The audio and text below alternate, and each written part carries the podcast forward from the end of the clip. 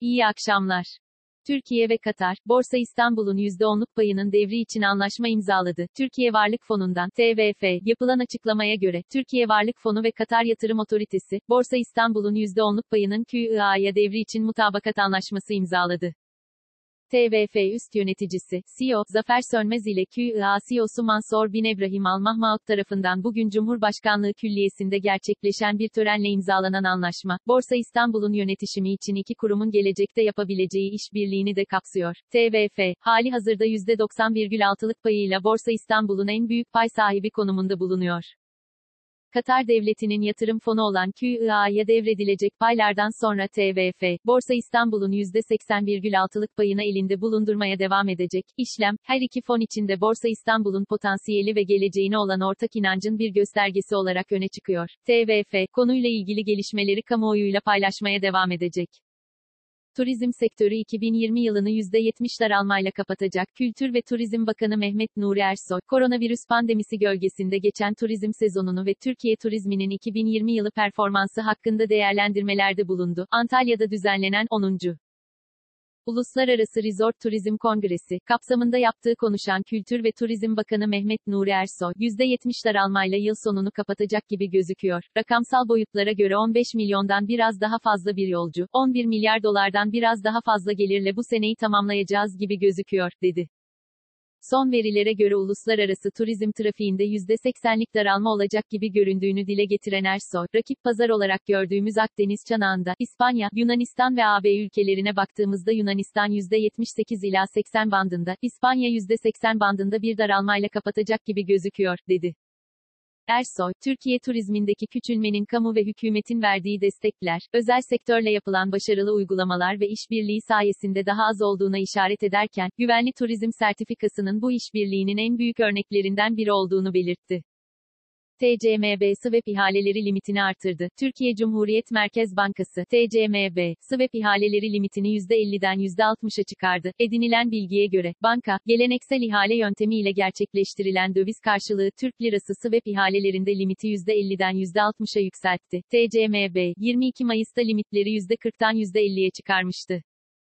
AA Finans 3. Çeyrek Büyüme Beklenti Anketi sonuçlandı. Anadolu Ajansı Finans'ın Türkiye İstatistik Kurumu, TÜİK tarafından 30 Kasım Pazartesi günü açıklanacak 2020 yılı 3. Çeyrek GSYH verilerine ilişkin beklenti anketi, 17 ekonomistin katılımıyla sonuçlandı. Ekonomistler, yılın 3. çeyreğinde Türkiye ekonomisinin %5 büyümesini bekliyor. Ankete katılan ekonomistlerin 3. Çeyrek büyüme beklentileri %3,5 ile %6,8 aralığında yer aldı. Ekonomistlerin 2020 yılı GSYH beklentilerinin ortalaması ise %0,3 olarak gerçekleşti. Ekonomistlerin 2020 yılı büyüme beklentisi en düşük %0 ila 1 aralığında oldu. Türkiye ekonomisi yılın ikinci çeyreğinde %9,9 daralmıştı. Açlık sınırı 2516 TL'ye yükseldi. Türkiye İşçi Sendikaları Konfederasyonu'nun Türk iş çalışanların geçim koşullarını ortaya koymak ve temel ihtiyaç maddelerindeki fiyat değişikliğinin aile bütçesine yansımalarını belirlemek amacıyla her ay yaptığı açlık ve yoksulluk sınırı araştırmasının Kasım sonuçları açıklandı.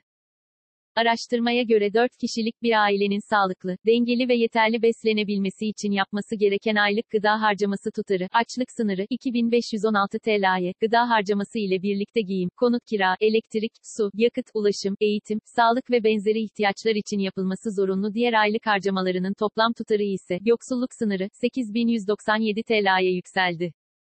Bekar bir çalışanın, yaşama maliyeti, ise aylık 3073 TL oldu. Toplumun yarısına göre iklim krizi virüsten daha büyük tehdit. İklim Haber ve Konda Araştırma tarafından üçüncü kez gerçekleştirilen, Türkiye'de iklim değişikliği ve çevre sorunları algısı, araştırması çarpıcı sonuçlar ortaya koydu. Araştırma kapsamında Türkiye kamuoyunun iklim değişikliği algısını ölçmek ve giderek derinleşen iklim krizi hakkındaki görüşlerini öğrenmek için yeni bir anket çalışması gerçekleştirildi. Türkiye çapında 3431 kişiyle yüz yüze yapılan anket, bu yıl pandemi süreciyle artan çevresel farkındalığı da irdelemeyi amaçladı. Anket çalışmasının sonuçlarına göre Türkiye'de her iki kişiden biri iklim krizinin virüsten daha büyük bir kriz olduğunu düşünüyor. Her 10 kişiden 7'si iklim değişikliği için endişeli olduğunu belirtiyor. Toplum koronavirüs sonrası ekonomik toparlanma için tarım ve yenilenebilir enerjiye yatırım yapılmasını istiyor. Toplumun %75'i iklim değişikliğine karşı yeşil alanların korunması gerektiğini öne sürüyor. %85'i ise ekonomik kalkınma için ormanların kesilmesine karşı. BIST 100 endeksi, günü %1,28 yükselişle 1342,49 puandan kapattı. Saat 18.30 itibarıyla ABD doları 7 lira 89 kuruş, avro ise 9 lira 40 kuruştan işlem görüyor. Bugün Google'da en çok arama yapılan ilk 5 başlık şu şekilde. 1. ÖSYM giriş. 2. Sadakatsiz 8. bölüm. 3. Zara. 4. Kervan Gıda hisse. 5. Kuruluş Osman 35. bölüm. Bugün Twitter gündemi ise şöyle. 1. Hashtag KPSS ön lisans. 2. Hashtag Perşembe. 3. Hashtag Ekremli olmaz. 4. Hashtag Bakan istifa. 5. Hashtag Rencide oldum.